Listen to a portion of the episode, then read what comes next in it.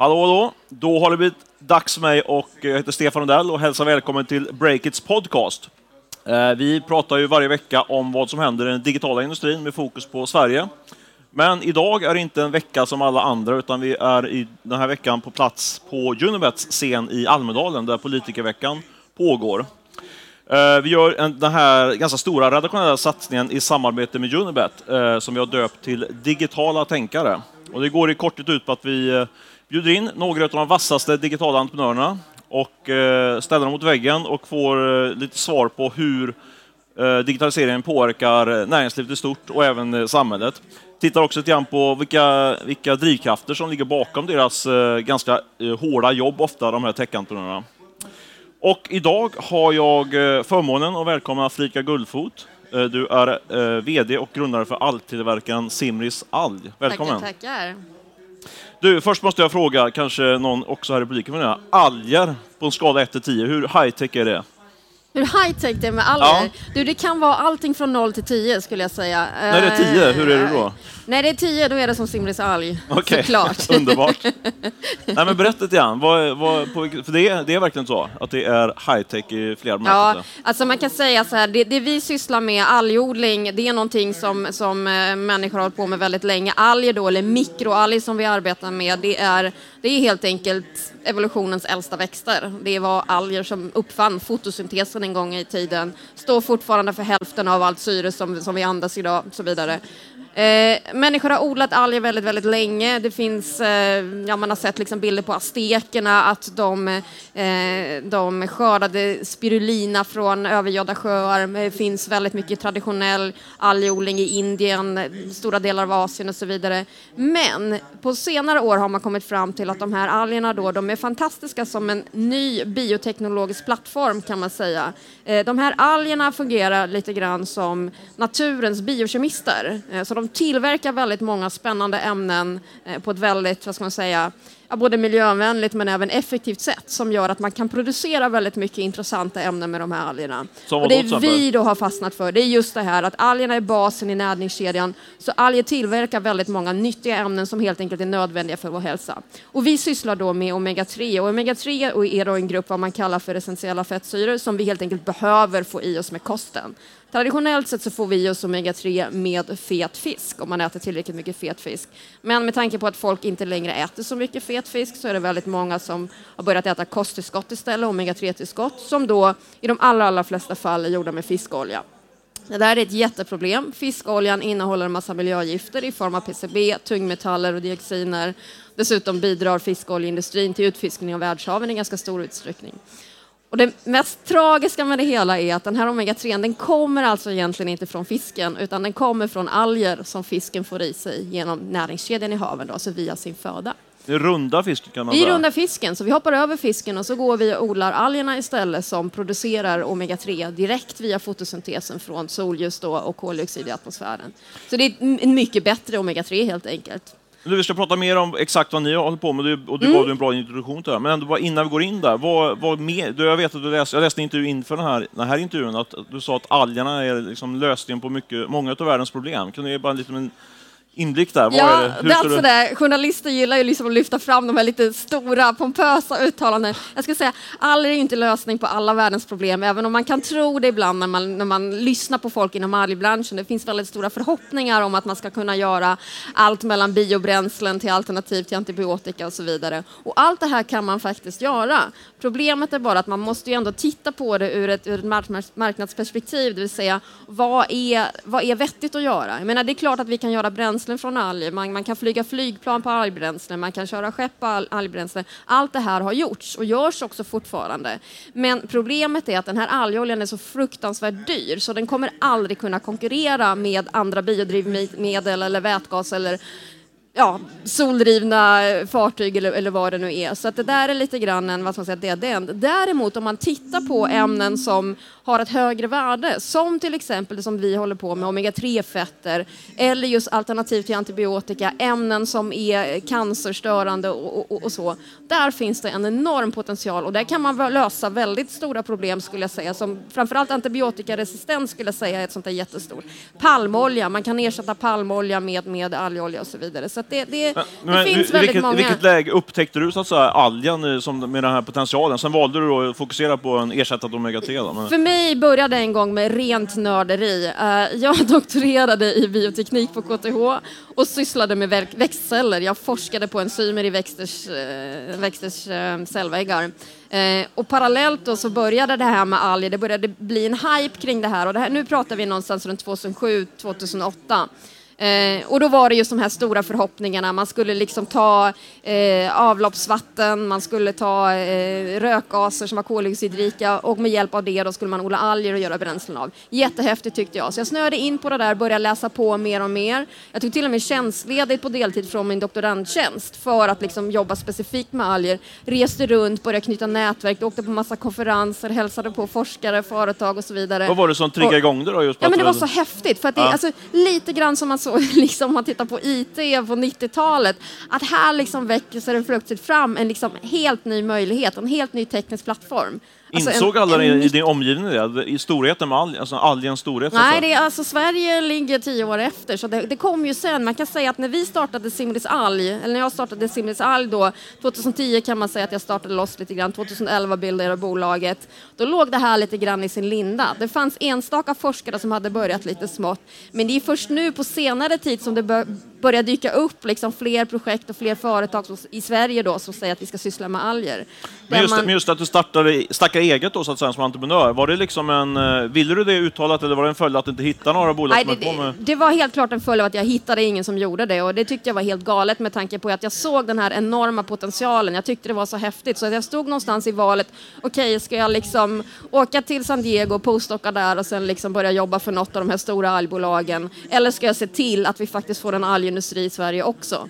Så blev det liksom det sistnämnda Eh, och det är jag glad för idag. Så det är ju, menar, det är ju rätt häftigt ändå det vi gör i Simrishamn. Vi, vi, vi gör ju faktiskt industrihistoria liksom. Vi driver ju idag liksom. På vilket sätt då? Industrihistoria. Nej, Ja. men vi har ju byggt, vi har ju byggt liksom Sveriges första kommersiella algodling för oljeproduktion.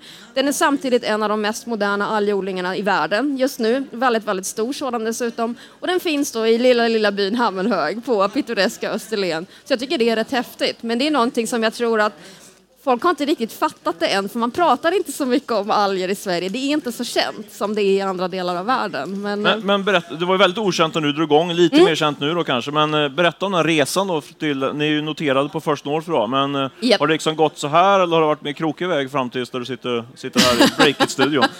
En centrifug skulle jag kalla det för. Är Det det är väl lite Ja. grann så här, om du tänker Gröna Lund eller de här, vad ska man säga, går rasande tempo. Det går runt, runt, runt och det går upp och ner och det går liksom alla vägar. Så det, det är bara in i shaken och köra. Vad har varit jobbigast?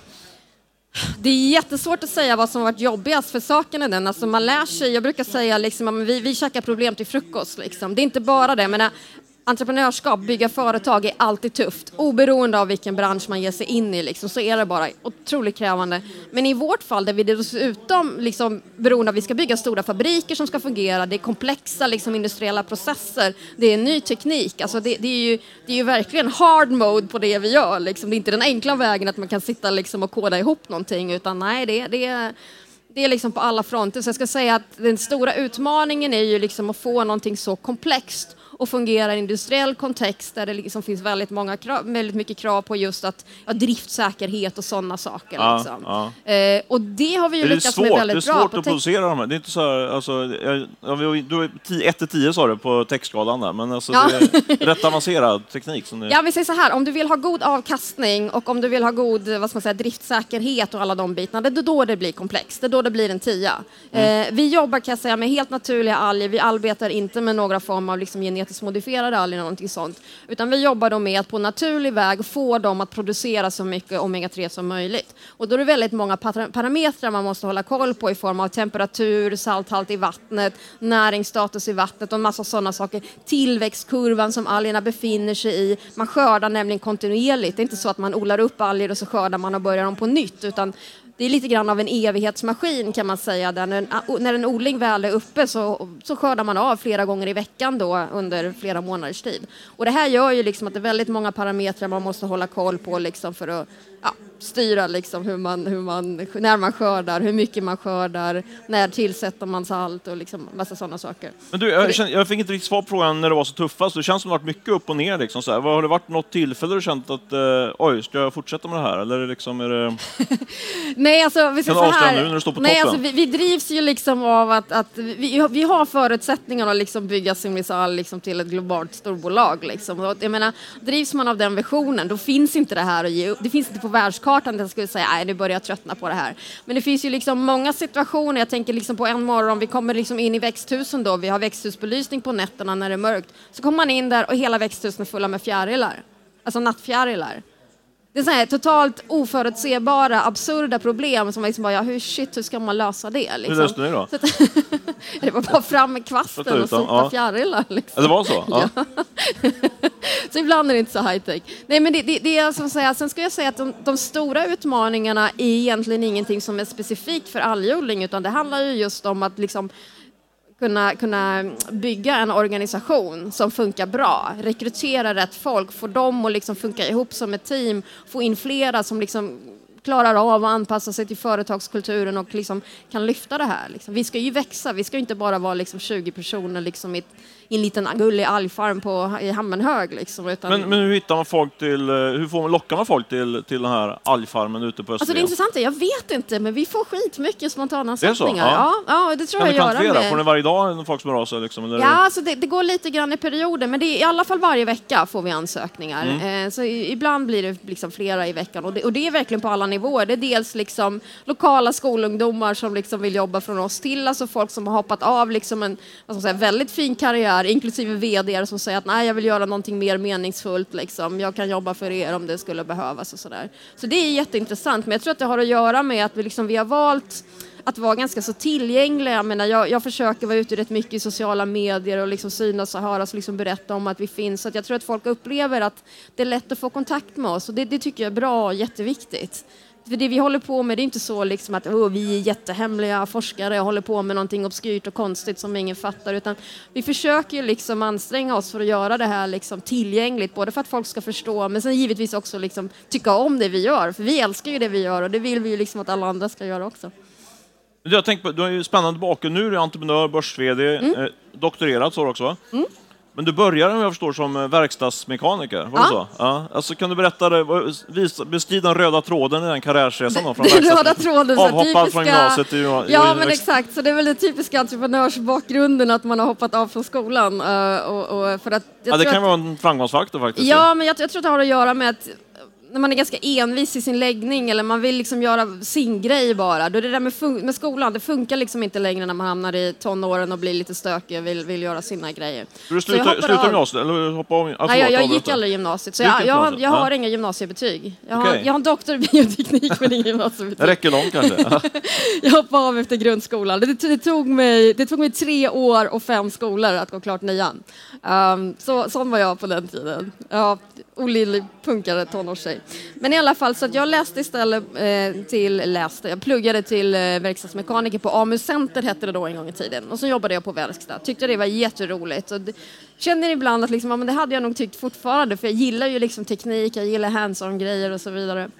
Men sen så småningom då så, så ja. Men tänkte du Rullade ändå liksom, men nu kör det här, men förr eller senare ska jag börja plugga och jag ska... Nej, nej, nej, nej, utan jag, det, det fanns inte på världskartan att plugga överhuvudtaget. Jag var, jag var nöjd med livet som det var. Det är någonting som, det tror jag att jag säga, alltid burit med mig. Jag har alltid varit nöjd med det jag har gjort liksom, för stunden. Det är inte så att jag känt, ja men nu gör jag det här ett tag, sen, sen får vi se. Liksom. Men vad hände sen då? För sen var du jobb, var Ja, nöjd med sen, sen mekanikerlivet? reste jag en hel del, bodde i Grekland ett tag och där jobbade jag liksom som bartender eller liksom sålde souvenirer och lite sådär. Sen flyttade jag tillbaka till Sverige eh, jobbade inom kriminalvården ett tag. Eh, sen började jag plugga på komvux och sen började jag på universitetet i första vevan. Men då läste jag religionshistoria och eh, assyriologi, alltså eh, vad ska man säga, kilskrift, historia, arkeologi med fokus på gamla Främre Orienten.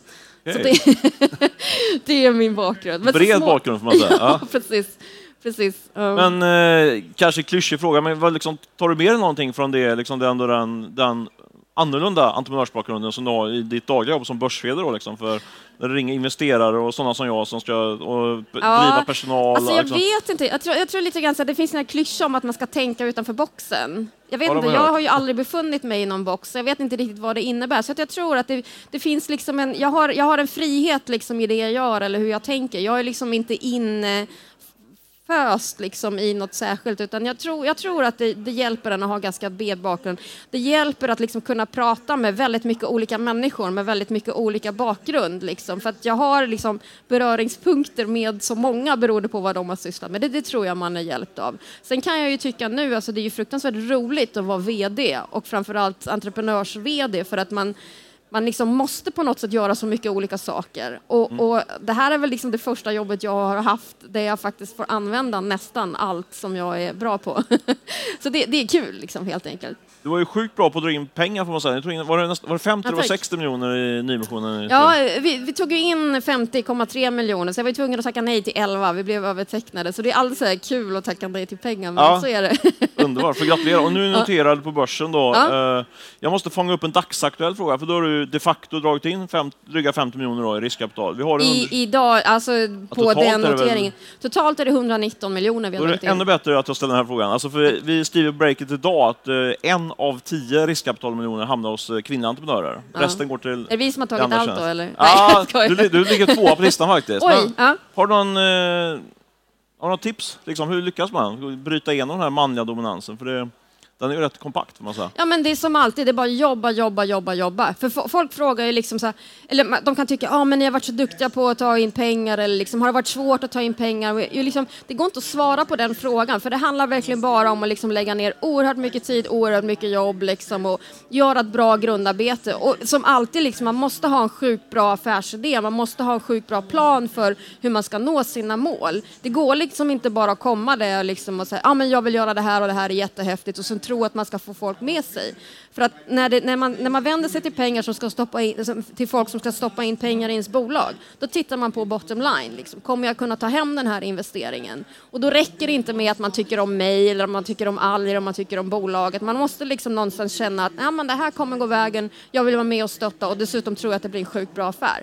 Så det gäller liksom att man ska kunna visa att den här affären är så pass sjukt bra som den faktiskt är. Och framförallt så måste man också kunna visa en trovärdig väg för hur man ska nå dit. Men känner du att Och- folk har den kollen då? Alltså vi pratade lite grann innan där. Liksom. Nej, men det är ju vår uppgift Ja. som entreprenörer att visa dem hur det ska gå till. För det är vi som är experter på våra bolag. Det går liksom inte att förstå som utomstående om inte man får det förklarat för sig hur det ska gå till. Så jag skulle säga att just det här att liksom ja, förklara hur, hur det ska gå till och inte ge sig. För jag menar, vi, har, vi får ju så sjukt mycket nej längs vägen. Om vi säger så här, för de här 119 miljonerna kan du ju tänka dig hur många andra har varit liksom ett stake men sen liksom inte har gått hela vägen. Det får man ju också liksom leva med att, att eh, det blir nej. Och där kan jag tänka mig att det kan vara ett av problemen till varför kvinnor kanske lyckas lite sämre. För jag tror att hos kvinnor finns det en osäkerhet. Har man väl fått ett nej så kanske man inte vågar fråga igen. Och här måste man vara den här envisa, hemska, liksom pain in the ass bitchen som bara inte ger sig och fortsätter. Så att man måste liksom vara lite... För att vi killar är bättre på att vara pain in the ass. på- det- Ja, det tror jag, för killar är lite mer självgoda. Så man Aha. behöver, man behöver nog vara lite mer självgod och liksom säga att Nej, men min idé är så jäkla bra så jag måste få den här personen mitt emot mig att fatta det. Det är han som är liksom dum nu och inte fattar, det är inte jag. Liksom, ungefär. Och jag tror att som tjej blir det mer det här med att man vill bli uppbjuden. Man är inte van vid att vara den som bjuder upp, utan man vill bli tillfrågad. Så att man vill vara duktig och så ska det komma någon och ge en pengar. Men det är inte så det funkar, liksom, utan man måste på något sätt ta för sig. Men samtidigt jag, ni har fått in mycket pengar nu. Mm. Det blir- ett ansvar liksom. Många investerare går in med mycket pengar. Eh, 50 miljoner plus. Eh, ni är värderat över 125 miljoner kronor sa nu på börsen. Eh, och ni tjänar typ inga pengar än. Alltså hur Nej. hanterar du den pressen? Liksom? Jag själv tycker jag får nästan ont i magen när jag tänker på det. Liksom. Att man har, nu har man fått in så pass mycket pengar, nu gäller Ja. verkligen leverera här på, till de här otroligt höga värderingarna. Ja, alltså den pressen har jag haft från början när jag tog in externt kapital. Alltså det, det händer någonting i en när man ser liksom wow, här är en annan människa som stoppar handen i sin egen ficka och ger mig pengar för att jag ska göra någonting bra av det. Det, det kan jag säga liksom att jag känner ju på något sätt större ansvar för deras pengar än vad jag känner för mig själv. Så att jag menar, Samtidigt så drivs jag ju av det ansvaret. Det är ju häftigt. Det är ju på något sätt det som gör att jag liksom går upp på morgonen och är glad över det jag gör. För jag känner, jag vill ju visa att de gjorde rätt liksom. Mm, Man, man, blir ju, man, blir ju, man känner sig oerhört stöttad också. Jag menar, det räcker ju inte, någon kan säga till en det du gör är bra liksom. Det är fantastiskt att få den komplimangen. Men om någon faktiskt stoppar in pengar i ditt bolag, då innebär det att de tror verkligen, verkligen, verkligen på det du gör. Och, och jag tycker att det är en sån fantastisk bekräftelse så att det, det är... Det är ansvaret ansvaret tynger inte lika mycket som det faktiskt bär än, skulle jag säga. Vad ska du göra med alla pengarna nu då? Det vi ska göra med pengarna? Ja. Ja. vi tog ju in väldigt mycket i höstas och de har vi ju använt till att bygga ut hela anläggningen och sen har vi liksom driftskapital året ut i princip. De pengarna vi har tagit in nu, de ska vi framförallt använda till vår sälj och marknadssatsning eh, för att faktiskt komma ut på bred front med våra produkter. Men nu Men sen har sälja, vi också en bra bit i kassan skulle jag säga för att bygga ut ytterligare. Så att vi, vi... Men försäljningen har kommit igång nu, kan man säga så? Eller? Ja, alltså försäljningen kommer att komma igång i hösten för att vi har ju haft en anläggning som vi har haft i drift sedan 2013. Den har ju varit väldigt liten så vi har inte klarat av att producera mer än ett par tusen burkar omega-3. Så det har liksom inte gått att lansera på riktigt. Vi säljer pytte, pyttelite mera för att bygga varumärke och sådär. Så från, från augusti-september någonstans så kommer vi att få de första produkterna från den här utbyggda anläggningen som vi driftsatte i slutet av april då, som är igång nu. Och det är då vad som säger, försäljningen kan komma och rampa upp på allvar. Så då har vi satt igång nu. Vi, vi, eh, vi har skrivit också en hel del om det. Vi satsar framförallt på den asiatiska marknaden nu. Sydkorea liksom jättestort. Så Ja, att du där går vi all in. i Sydkorea va? Ja, jag, jag kom hem från Seoul i fredags Ja, faktiskt. hur gick Fredagskväll, det? så. Så, var det... Alltså, det, det är fantastiskt, det är helt rätt. Eh, Ja. Så att, eh, ja, stay tuned kan bara säga. De är sjukt eh, hälsomedvetna säger mina källor från Sydkorea. Vi har en reporter som kommer därifrån. Hälsomedvetna, trendmedvetna, duktiga på trender. Hela Asien tittar på Korea, världen har också börjat titta på Korea. Så det, det är jätte, jättebra på alla sätt och vis. De kan varumärken, de fattar varumärken, snygga förpackningar, bra ställen att sälja på, trevliga att göra med. Nej, Underbart. Köpsignal. oops. Nej, just det. Du pratar, vi får inte prata för mycket börsdrivande här. Nej, men Korea har vi pratat om så det känner jag mig rätt trygg med. Men du, eh, om du slu- avslutningsvis liksom skulle blicka, låt säga tre, fyra år framåt, liksom, utan att tänka för mycket på börsreglerna. Hur, hur stora är Simrisal då, skulle du säga? De skissar på... Eh, vad tänker du, storlek i antal anställda eller omsättning Ja, eller de anläggningar? Ja, är så, anställda är lite svårt att, att förutspå. Det beror lite grann på hur man sätter upp saker och ting. Men vi är ju definitivt, vad ska jag säga, kanske runt en 50 personer någonting om vi pratar liksom på fyra, Mm. fem års sikt. Eh, vi har eh, definitivt ännu mer odlingskapacitet än vad vi har idag. Vi har etablerat oss på de, ja, framförallt de asiatiska marknaderna och även USA som vi pratar om, det tror jag nog. Eh, så att, ja, nå- någonstans där skulle jag säga att om, om fem år då... Och ni är ett då är vi ju- miljardbolag i omsättning. Vad sa Ni är du? ett miljardbolag i omsättning också, tror du? Ja, svårt att säga om det går så fort. Det är ju trots allt liksom konsumentprodukter man arbetar med som vi tillverkar själva. Jag skulle säga en miljard i omsättning. I, inte omöjligt, men det är nog inte riktigt det vi, vi siktar på så snabbt. Det kan komma senare, för då, skulle, då kommer vi behöva ge oss in även på liksom ingrediensmarknaden och så vidare. Just nu tillverkar vi omega-3 under eget varumärke. Jag skulle säga att de här närmaste fem åren kommer nog handla väldigt mycket om liksom att, penetrera var, alltså marknaden just med, med de produkter som vi liksom har tagit fram idag. Men sen därefter kommer det hända ännu mer. Men du är kvar om fem år, tror du? Eller har du startat något? Ja, jag, jag, om fem år är jag nog kvar. Så jag brukar säga jag är ju med så länge jag gör nytta. Sen brukar man ju säga ibland att det finns ett bäst före-datum för, för entreprenörer liksom, som Finns driver det? bolag. Ja. Jag vet inte. Det är ju, alltså, en del är ju kvar liksom, och det går jättebra. Men andra blir ju liksom mer ett, ett hinder för bolagets utveckling. Jag, jag, som sagt, jag, jag är med så länge så länge folk tycker jag gör ett bra jobb. För roligt tycker jag det. Vi har ju liksom stora ambitioner, det är som jag sa. Liksom, vi, vill ha, vi vill ju liksom ta marknadsandelar liksom på den globala omega-3-marknaden. Vi har alla förutsättningar, vi har liksom tekniken, eh, vi har marknaden, vi har ett bra varumärke liksom, som ligger i sin linda här. Så att, så att gör vi, spelar vi bara våra kort rätt, liksom, då kommer vi att nå de målen. Och så länge jag är rätt VD liksom, och leder det arbetet, då, då är jag med. Ut. Spännande att följa. Jag hoppas du spelar korten rätt. Mm. Ja, hoppas jag med. Tackar så mycket för att du kom hit. Tack. Tackar alla andra som är här och lyssnat på podden och sitter här på plats i Almedalen. Tack så ha. Tack.